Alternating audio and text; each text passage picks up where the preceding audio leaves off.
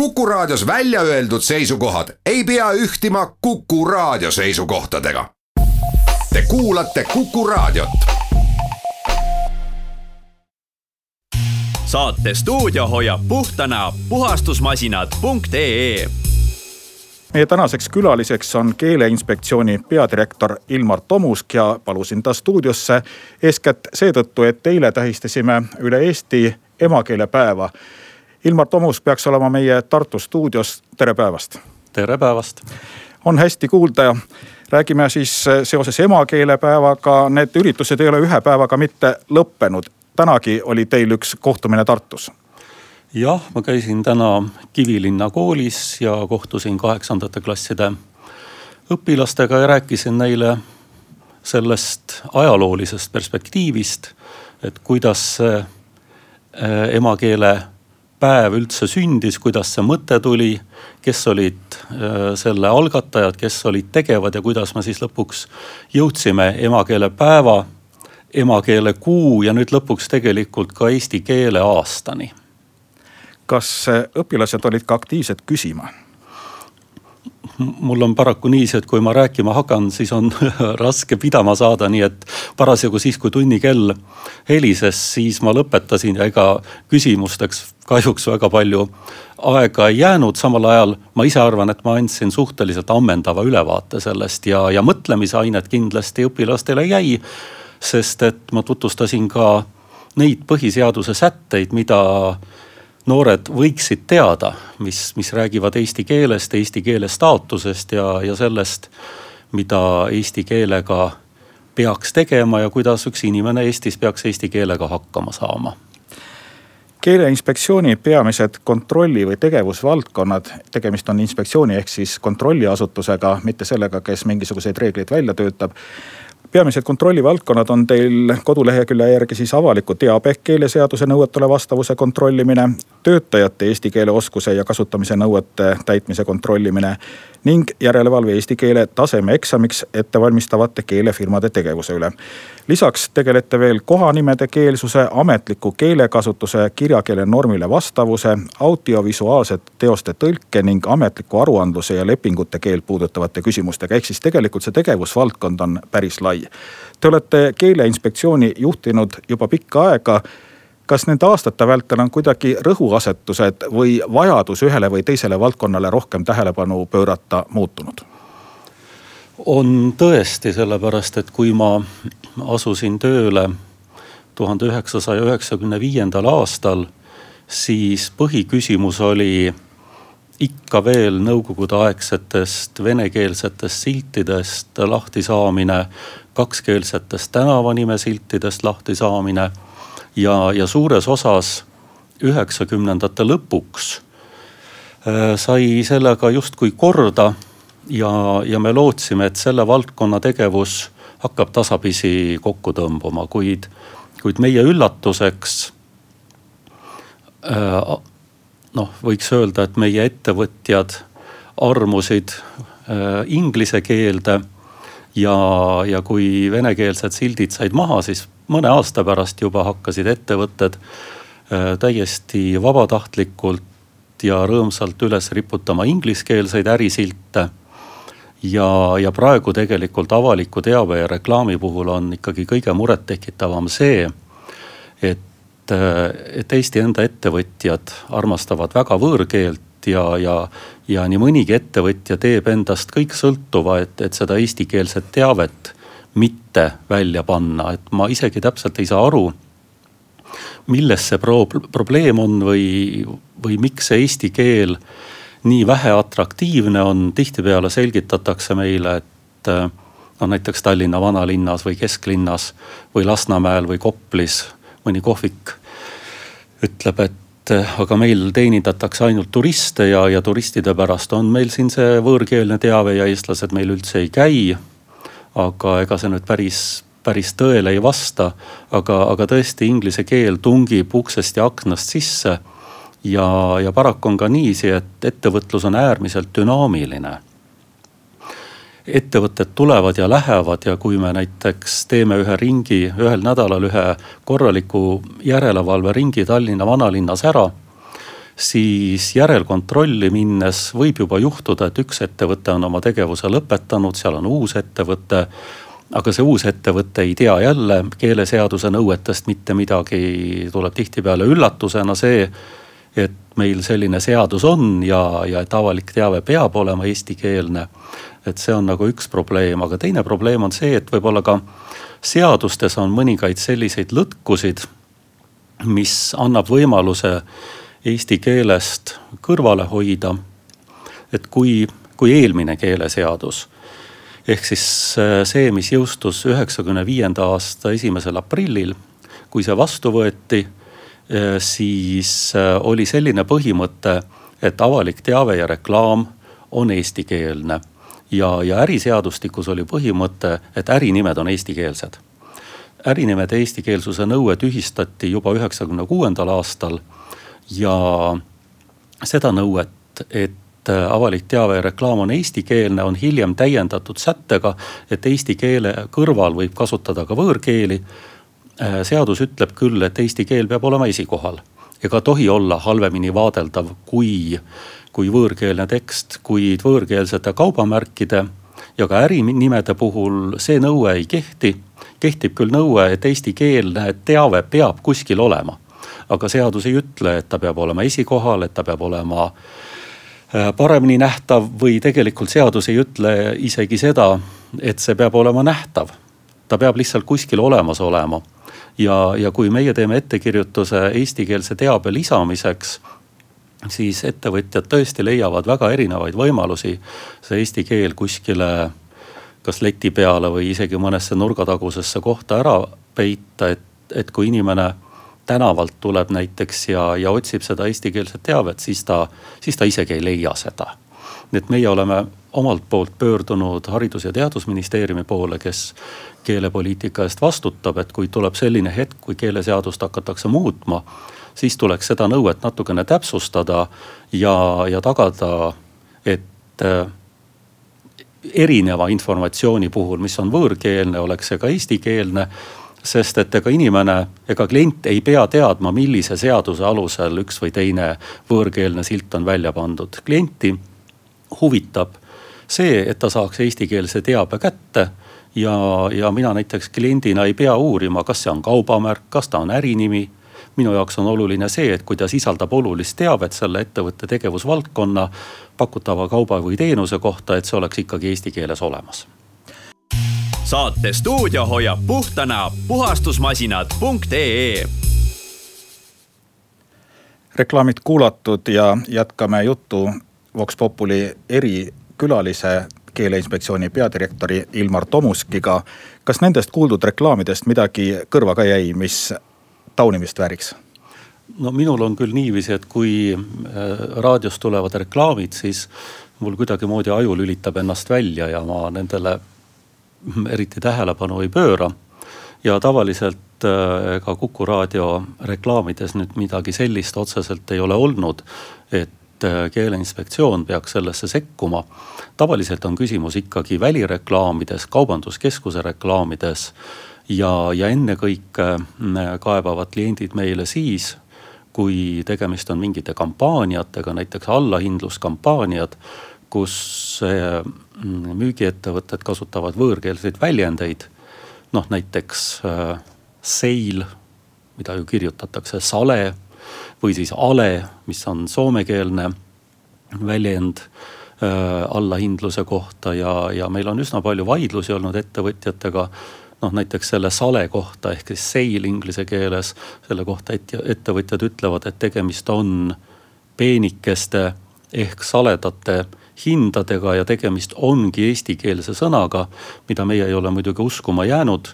ja, ja ale puhul ka on öeldud, et, et see on ju eestikeelne sõna, et meil on alepõllundus ja et see on hindade põletamine mida me ei ole samuti uskuma jäänud, sellepärast et tegemist on ikkagi otseselt võõrkeeltest võetud, võetud sõnadega ja nendele tuleb eestikeelne teave lisada. tihtipeale paljude kaupade ja toodetega tulevad kaasa võõrkeelsed reklaamid, on need siis riided või elektroonikatooted ja noh, kergema vastupanu teed minek on ju see, et kasutatakse kaubandusettevõtetes reklaami eesmärgil neid samu võõrkeelseid tekste.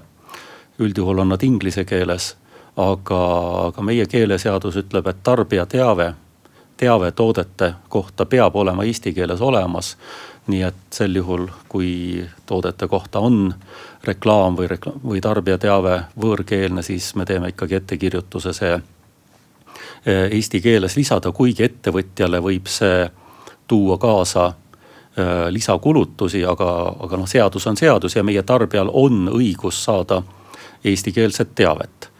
Aga on nüüd üks selline valdkond äh, avalikus reklaamis, äh, millele keeleseaduses ei ole kahjuks üldse tähelepanu pööratud ja, ja millele ei osatudki tegelikult sel ajal, kui seadust välja töötati, tähelepanu pöörata nimelt äh, praegu kehtiva keeleseaduse väljatöötamine algas kahe tuhande seitsmendal, kahe tuhande kaheksandal aastal.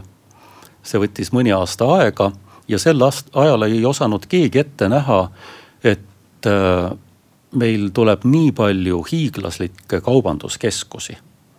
ja kaubanduskeskustes ilmselt iga raadiokuulaja teab, kui ta kaubanduskeskusesse siseneb, siis seal kõlab audioreklaam ja, ja selle audioreklaami reguleerimiseks praegu kahjuks keeleseaduses sätet ei ole. me oleme küll äh, klientide kaebusi lahendades käinud pea noh, Eesti kõikides suuremates kaubanduskeskustes stopperiga mõõtmas, kui suur on siis võõrkeelse audioreklaami osakaal ja kui suur on eestikeelse osakaal ja, ja üldjuhul on eesti ja võõrkeelse reklaami osakaal võrdne. aga kui on sellised juhtumid, kus võõrkeelset on rohkem, näiteks on kaubanduskeskustes eesti keelele lisaks vene ja ingliskeelne audioreklaam, siis on eesti keelt juba ainult üks kolmandik. Me tuvastame selle, aga sellist sätet, et selle kohta ettekirjutust teha, et ettevõtja neid osakaalusid muudaks, sellist sätet keeleseaduses ei ole ja, ja tõesti klientide kaebusi on väga palju ja, ja ka selle kohta oleme me Haridus- ja Teadusministeeriumile teinud ettepaneku, et, et audioreklaami valdkonda tuleks äh, seaduses paremini reguleerida.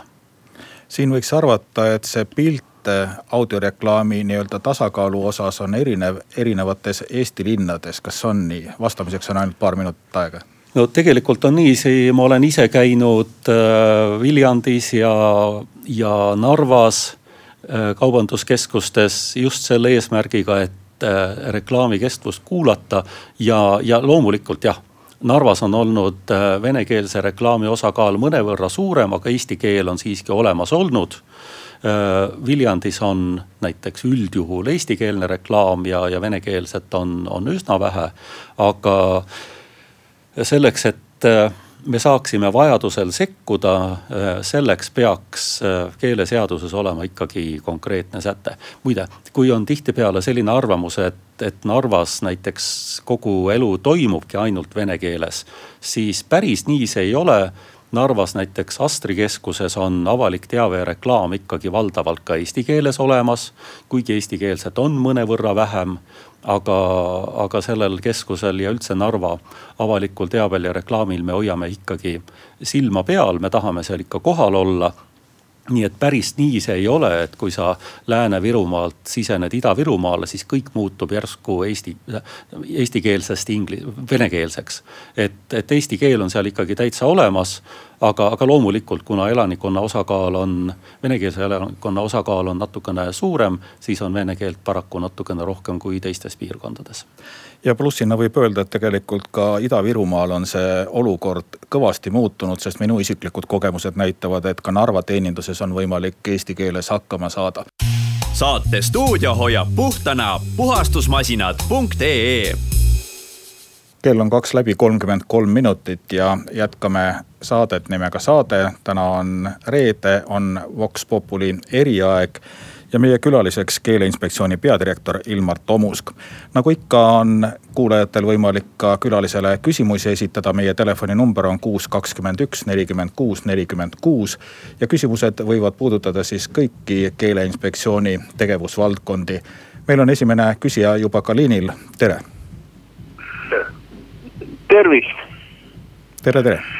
ma olen pensionär Pärnust, ma olen ma kuulasin väga tähelepanelikult, ma, ma ei tea millegipärast, ma ei ole mingi kõrgharidusega ega, ega, aga kõige hullem on need eetajad ja äätajad, sellest juttu ei olnud, mida taotakse lõppu, ma kuulsin väga tähelepanelikult praegu seda selle peadirektori seda juttu, et kas ta paneb ka e-sid ja ääsid taha. Aga ei pannud küll, paar tükki ainult tead, aga see on noh, nii et ma olen paar aastat selle küsimusega eh, suhtlenud Einar Kraudi ja Peeter Pälliga, mitte kuskile see ei vii. mängimine käib edasi, see, kas nüüd Tšau ja Baka ja need asjad on muidugi ka asjad, aga see on üks kõlks, aga need, mis teles ja raadios. palume ka teie küsimust, on teil mingi küsimus ka? miks need eetajad ja äätajad ei kõrvaldata Eesti raadiost keelepäeval, keelepäeval eetavad ja äätavad. selge, saime küsimusest aru kas keeleinspektsioonil tuleb ka selliste küsimustega tegeleda? noh, mõnikord ähm, selliseid kaebusi esitatakse ja, ja tegelikult ei ole meile esitatud kaebusi mitte saatejuhtide, diktorite, raadiotöötajate kohta, vaid ikkagi tavaliselt, kui mõni, mõni oma valdkonna spetsialist on kutsutud raadiosse eh, või telesse oma valdkonnast rääkima. ja inimene, kes ei ole harjunud avalikult esinema, siis temal võib küll ette tulla selliseid nii-öelda mõtlemispause mille, mille ta täidab mõne A või E või M-iga ja mis äh, tõesti võib äh, raadiokuulajale natukene, natukene närvidele käia ja, ja teinekord on niiviisi, mõni inimene ütleb, et ma panin selle inimese ajal lihtsalt raadio kinni, et ma ei saanud seda kuulata. aga ega keeleinspektsioon siin sekkuda ei saa, sellepärast et äh, tegemist on, on lihtsalt inimesega, kes, kes on sattunud juhuslikult intervjueeritavaks ja, ja talle mingeid selliseid nõudeid ju kehtestatud ei ole nii et siin on võib-olla iga inimene, kes on sellisel ametikohal, et ta, et ta võib sattuda intervjuud andma. ta võiks harjutada kasvõi üksinda kodus. Äh, kirjutab endale teksti valmis, proovib selle ette lugeda ja kui selliseid äätamisi ja eetamisi ette tuleb, siis paneb ise tähele või võtab endale mõne kriitilise sõbra, kes teda kuulab. ja eks see on sellise kõnekultuuri, kõnekultuuri küsimus, äh, mille peale veel on kaevatud, on see, kui diktorid ei, ei kasuta õigesti võõrnimesid, väänavad ja käänavad nii natukene valesti. noorema põlvkonna inimesed on üsna hädas näiteks venekeelsete, venekeelsete nimede äh, hääldamisega, aga see on ikkagi noh, nende inimeste professionaalsuse küsimus ja, ja keeleinspektsioon sel puhul tõesti mingeid ettekirjutusi ega, ega sanktsioone äh, rakendama ei hakka. see on pigem selle ringhäälingu jaama enda prestiiži küsimus, et, et see tekst oleks korrektne ja, ja vastaks üldiselt kirjakeele normile. ja järgmine küsija on juba ka liinil, tere jõudis toru ära panna. kuus, kakskümmend üks, nelikümmend kuus, nelikümmend kuus on meie telefoninumber. täna saate küsimusi esitada keeleinspektsiooni peadirektorile Ilmar Tomuskile. tere järgmisele helistajale. tere päevast, mul on selline küsimus, et äh, on üsna palju noh, ütleme siis avalikke üritusi, äh, kus esineja näiteks on äh, no puhtalt inglisekeelne või mis iganes. kui on nüüd tegemist rahvusvahelise konverentsiga, mis on kuulutatud lausa inglisekeelseks see vist on täiesti loomulik, et siis ei ole kohustuslikku tõlget. aga kui on näiteks mingi, mingi, mingi kontsert, kui on laul, laulu muidugi ei pruugi tõlkida, aga sageli on ka sellised kontserdid, kus esinejal on hästi pikk sõnaline osa. Äh, kas sellisel juhul siis noh, peaks olema tõlge või siis noh, konverentsid. Äh, nii kõne hakkas hakkima seadus kõne hakkas hakkima, aga me saime teie küsimusest aru, ma arvan. jah, siin on nüüd lugu nii, et selle kohta on keeleseaduses oma paragrahv olemas. ja keeleseaduse paragrahv kuusteist lõige viis ütleb, et avalikel üritustel tagab ürituse korraldaja olulise teabe tõlke eesti keelde see muidugi tähendab seda, et kõigepealt tuleb otsustada, mis on oluline ja mis ei ole. aga, aga üldiselt on küll nii, et kui on selline üritus, kus on nii-öelda inimesele tänavalt vaba juurdepääs, ta ei pea ette registreerima ennast, ta lihtsalt võib osta pileti näiteks ja minna sellele üritusele. siis sellisel üritusel peab kindlasti olema eestikeelne teave tagatud, kui on mõni teaduskonverents ja on tõesti välja kuulutatud, et selle konverentsi töökeel on inglise keel või mõni teine võõrkeel, siis sellisel puhul äh, keeleinspektsioon ei sekku, aga kui on sellised üritused, mis on avalikud ja kus tõlget ei ole, siis võib täiesti julgelt meile teada anda ja me võtame selle menetlusse. kuus, kakskümmend üks, nelikümmend kuus, nelikümmend kuus, tere järgmisele küsijale. Äh, tervist, äh, Kuku sõbrad. selline tähelepanek, et meie vanad äh, Eesti, ütleme, kohapaiga nimed on ilusti tallel, et äh, sooviks teada, et kes, kes selle eest seisnud on, et au, väga auväärsed inimesed, et meil on ju mitmed siin ütleme okupatsioonid ja, ja need kohanimed oleks võinud ära muuta kõik, aga praegu nende kohanimede järgi saab ju väga palju sellist traditsioonipõhist kultuurimaastikku Eh, lahti kirjeldada, et, et kes, kes need inimesed olid, aitäh no ennekõike on tegemist eh, Eesti Keele Instituudi kohanimespetsialistidega, aga väga pikka aega töötas siseministeeriumi juures ja praegu rahandusministeeriumi juures eh, kohanimenõukogu, kes tegelikult väga aktiivselt tegeleb Eesti kohanimede kaitset, kaitsega ja, ja sellealase korraldusega, nii et meie oma, meie oma nimeteadlased, meie oma nimespetsialistid. Kuus, kakskümmend üks, nelikümmend kuus, nelikümmend kuus, järgmine küsija on ka liinil. tervist. tere. teate, eesti keele käekäik on mulle üpriski kallis, terve elu on. ma räägin teile ühe väikse seiga Vene ajast, mu ema haigestus raskelt ja tuli kohale kiirabi brigaad neli inimest sisenesid, mitte keegi nendest ei osanud eesti keelt. Nad isegi ei osanud seda noh, mitte kõige vähemalgi tasemel. ma küsin, mis tal viga on. ma püüdsin hakata talle rääkima, aga mida ta räägib, eks ole, ta nagu rääkis midagi, eks ole. ma ütlesin, ta ei räägi mitte midagi. no kuidas ta räägib, ta ju räägib kogu aeg. aga ta ei rääkinudki midagi, sest tal oli insult, ta ei saanudki rääkida. asi õnneks siiski mõne minuti jooksul sai selgeks tehtud ja nad viisid ta minema, eks ole. aga ma ei rääkinud mitte sellepärast, eks ole, et nii-öelda olla kättemaksuhimuline. Ma ei olegi kättemaksuhimuline. aga kuna ma tarvitan ise praegu palju ravimeid, siis mind ausalt öelda nii-öelda siiski segab ja häirib see, et ravimites ei ole eh, venekeelseid instruktsioone. kas me tõesti oleme langenud nii madalale et me nüüd niimoodi maksame neile kätte selle eest, mis oli. ma kujutan ette, mida need venelased, vanainimesed või ka mitte vanainimesed, kes piisavalt ei valda eesti keelt ja on ka ju neid, kes mitte kunagi, tähendab, inimesi on igasuguseid alates idiootidest kuni professoriteni välja. üks valdab paremini, teised vähemini, eks ole, nii ja naa. aga peaksid olema mingisugused niisugused kohad, eks ole, mille kallale me ei lähe. aitäh, saime selle küsimuse kätte see on nüüd mõnevõrra üllatav küsimus sellepärast, et keeleseadus küll ei keela venekeelseid ravimijuhendeid või, või seletuskirju nende juures.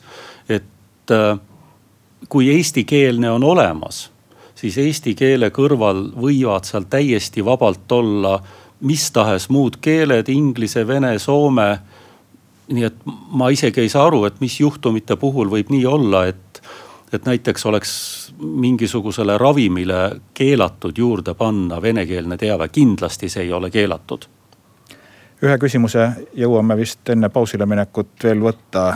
on meil helistaja liinil, tere teile, aga palume siis lühidat küsimust, et saaks teised ka hiljem. mul ei ole küsimust, kas tohib paar märkust öelda, mis vaevavad mind juba pikemat aega et näiteks kui on need intervjuud, siis see, kes intervjueerib, ta lase sellel intervjueeritaval ennast väljendada lõpuni. ta ise hakkab seda, hakkab ühesõnaga segama vahele või katkestab selle intervjueeritava kõne ja hakkab siis ise rääkima hoopiski edasi. see on väga inetu. ja siis on veel niimoodi, et ei öelda pikema intervjuu lõpus, kellega räägiti, kes olid. ma tean seda teooriat, ma olen ise õppinud seda ja, ja kui sa oled pika intervjuu teinud, siis lõpus tuleb ikkagi öelda, kellega ta rääkis, eks ole ju. ja tema staatuse hulka ka muidugi aitäh teile nende kommentaaride eest, kas see kuidagimoodi haakub keeleinspektsiooni valdkonnaga, Ilmar Tomusk, üks lühike vastus? ei, see küll ei haaku, aga, aga kodanikuna võin selles mõttes nõus olla, et mind ka mõnikord häirib see, kui intervjueerija räägib pika jutu ära ja siis spetsialistil jääb üle öelda ainult jah või ei. ja, ja nii mõnegi teledebati puhul ma olen aru saanud, et, et see debati läbiviija tunneb ennekõike rõõmu iseenda häälest ja oma mõtetest ja see, mida saatekülalised ütlevad, et see teda eriti ei huvitagi, sellest on kahju, aga see on professionaalsuse küsimus. Te kuulate saadet ja tänase saate Vox Populi rubriigis on meie külaliseks keeleinspektsiooni peadirektor Ilmar Tomusk, kellele saab helistada ja temale küsimusi esitada kuus, kakskümmend üks, nelikümmend kuus, nelikümmend kuus. tere küsijale! Tere, äh, kahe tuhande neljateistkümnendal aastal äh, saatis teie tollane ülemus, haridusminister Jevgeni Ossinovski teile kurja kirja, milles ta kritiseeris teie tehtud ettekirjutusi, noh juba teie jutuks olnud kakskeelsete tänavasiltide asjus. kui ma siis kodanikuna soovisin teabenõude korras seda kirja, selle kirjaga nagu tutvuda, siis äh, sain Ossinovski ametkonnalt vastuse, et seda kirja ei ole võimalik mulle anda, sest tegemist on eraviisilise kirjavahetusega. mulle kui kodanikul on täiesti arusaamatu, et selliseid noh, et see ministri ja tema alluva vahel toimub selline eraviisiline kirjavahetus, et kas teie ise tõlgendasite ka seda kurja kirja äh, eraviisilise kirjavahetusena või mitte ja, või oli see lihtsalt selline küüniline demagoogia nagu, et mitte, mitte nagu seadust täita ja selle kirjaga on võimalik tutvuda. see on tegelikult äärmiselt huvitav küsimus ka minu jaoks. ja sel päeval, kui ma selle kirja sain, olin ma puhkusel. See kiri ministrilt laekus mulle südaöösel, kui ma tulin äh, ühelt koolikülastuselt äh, Kagu-Eestist ja, ja sellele kirjale Äh, nii-öelda puhkusel oleva ametnikuna ma vastasin ka noh, paarkümmend minutit hiljem, kui ma selle kirja olin saanud. nii et tegelikult jah, formaalselt oli see tõesti eraviisiline kirjavahetus ametnikuga, kes oli sel hetkel puhkusel. samal ajal ega seal ju mingit saladust ei olnud see kõik hiljem, mis nendes kirjades oli, minu mäletamist mööda seda isegi mõned ajakirjandusväljaanded kajastasid. ja, ja minister ka hiljem tunnistas, et ta selle kirja kirjutamisega natukene kiirustas ja, ja oleks ta süvenenud, siis võib-olla ei oleks ta äh, keeleinspektsioonile selliseid etteheiteid teinud. nii et ta tegelikult lõpuks tunnustas seda tööd, mida, mida me keele järelevalves tegime siit võiks küsida veel juurde, et milline kiri on siis ametlik, kas see, mis on tulnud töö meiliaadressile ainult? Ametlik kirjavahetus on see, mis on kahe ametiisiku vahel ja mis on registreeritud äh, ametiasutuse dokumendiregistris. aga kuus, kakskümmend üks, nelikümmend kuus, nelikümmend kuus ja järgmine küsija on meil valmis. tere. tervist tänaval seisab inimene, tema on mees. tema kohta öeldakse, seisab meesterahvas või seal naisterahvas, aga ühe inimese kohta, miks öeldakse rahvas? No eesti keeles on väga palju selliseid sõnu ja väljendeid, et kui mõtlema hakata, siis nad ei tähenda üldse seda, kui nagu sõna-sõnalt neid lugedes võiks välja lugeda. näiteks noh, praegu ma vaatan siit Kuku raadio aknast välja ja ütlen, et kevad on käes. aga ta ei ole ju käes, ta on õues. või kui ma ütlen, et ma panen mütsi pähe siis ma tegelikult ei pane ju mütsi pähe, pähe on sisseütlev kääne, ma tegelikult panen, panen pea mütsi.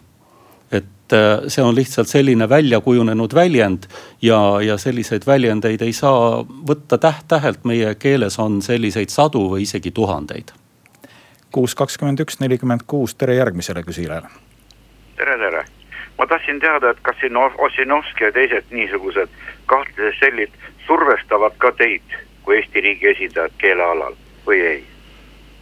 Mm. mina võin nüüd küll käe oma südamele panna ja öelda, et minu teenistuse aja jooksul ehk siis seda on juba pea kakskümmend kolm aastat ja, ja vist neli või viis kuud ei ole mitte ükski minister tulnud minu juurde ja öelnud, et Ilmar, nüüd ära seda tee või tee seda teistmoodi või tee seda nii, nagu meie erakonnale sobib. Et mitte ükski minister ei ole nii-öelda keeleinspektsiooni poliitiliselt äh, survestanud. see, see võib-olla kõlab paljude jaoks üllatusena, sellepärast et meil on olnud väga erinevate erakondade ministreid. aga, aga ministrid on tõepoolest käitunud poliitiliselt väga korrektselt. kuus, kakskümmend üks, nelikümmend kuus, nelikümmend kuus, tere järgmisele küsijale tere. minul on selline küsimus, et TV1000, teda müüda, müüakse äh, eestikeelsete äh, filmidena. aga need vaheklipid, mis on, need on ainult vene keeles. sageli ka kirjad on vene keeles ja filmide tutvustused on kas vene või inglise keeles. et kas ehk äkki ei oleks võimalik sellega midagi teha? see vene keele rõhutamine seal häirib natukene sellega on niiviisi, et kui need kanalid on vahetult taasedastatavad, see tähendab seda, et neid ei tooda mõni Eesti Ringhäälingu organisatsioon, vaid nad tulevad nii-öelda noh, satelliidi või kaabli kaudu äh, ja neid edastatakse mõne teise riigi ringhäälingu organisatsiooni poolt, siis äh, Eesti keeleseaduse järelevalve kahjuks sekkuda ei saa kui on tegemist äh, kordussaadetega äh, või, või ütleme selliste jah kordustega. kui ta ei ole vahetult taasedastatav, siis me saame sekkuda kuus, kakskümmend üks, nelikümmend kuus, nelikümmend kuus on meie telefon, kuhu saab helistada ja esitada küsimusi keeleinspektsiooni peadirektorile Ilmar Tomuskile ja järgmine küsija tahab ka küsida. tervist. tere tähendab, mul õde elab Soomes juba kakskümmend aastat ja üks kord ainult andis oma elus keeleeksami, oligi kõik. aga meil, mis kuradi debiilsus siin meil käib, iga aasta A, B, C, D, E, A, B, C, D. meil on, kas tahate midagi sellega öelda, et oi, me teeme nüüd sulle ära või, või, või näed, mina olen Eestis, sina kurat oled, kes venelane, mis ta, sina kurat siin mölised noh, ilmselt selliseid äh, väljendeid ei ole küll esitatud, aga küsimusest me siiski ilmselt saime aru. see on iseenesest väga huvitav küsimus, sellepärast et jah, ma olen ise ka Soomes ühe soome keele eksami sooritanud ja sain päris ilusa paberi selle kohta, aga mis puudutab eesti keele eksameid, siis inimene peab Eestis sooritama eesti keele eksami ainult ühe korra. ja, ja eksami tunnistus kehtib eluaegselt äh, erinevalt näiteks Venemaa Föderatsioonist, kus keeleeksam kehtib, kui ma õigesti mäletan, viis aastat ja siis tuleb see uuesti teha. nii et kui sa Venemaa Föderatsioonis tahad majavalitsusse tööle minna, siis sa pead sooritama vene keele eksami ja see kehtib viis aastat, aga Eesti Vabariigis on niiviisi. et näiteks need keeletunnistused, mis anti välja ajavahemikus tuhat üheksasada üheksakümmend üks kuni tuhat üheksasada üheksakümmend üheksa, need kehtivad ja pärast seda, need olid siis tööalase keeleoskuse kategooria tunnistused, nad kehtivad siiamaani. ja kui inimene on selle keeleeksami sooritanud ja tal on keeleoskus olemas, siis mitte keegi ei saada teda uuesti eksamile. et võib-olla need on sellised linnalegendid, mis liiguvad, et, et inimestelt nõutakse korduvalt eksamite sooritamist et eesti keeles on, Eestis on eesti keele eksami sooritamise nõuded suhteliselt liberaalsed võrreldes paljude äh, teiste riikidega jõuame võtta veel viimase küsija liinile, aeg on piiratud, nii et palume lühidat küsimust. tere. tere, minul on selline küsimus sõna kohta alennus ma vaatan televiisorist äh, raamatukaupluse reklaami ja seal on sõna alendus, kas see on uus eestikeelne sõna? nii palju, kui mina soome keelt oskan ja ma olen, nagu ma ütlesin, soome keele eksami teinud, et alennus on soomekeelne sõna. ja eesti keeles on võimalik seda nimetada näiteks allahindluseks. ja, ja meie soovitamegi ettevõtjatele, kui nad on kasutanud mõnda võõrkeelset sõna siis soovitanud eestikeelset sõna kasutada, allahindlus on selle kohta üks väga ilus sõna sellega tänase Vox Populi rubriigi lõpetame. täname meie külalist, keeleinspektsiooni peadirektorit Ilmar Tomuskit. loodetavasti said kõik küsijad ka rahuldava vastuse. ja kui teil on midagi küsida, siis keeleinspektsiooni võib ilmselt pöörduda ka kirjalikult. ikka võib kirjutada, võib ka helistada. aitäh, Ilmar Tomusk veel kord ja meeldivat päeva jätku. aitäh.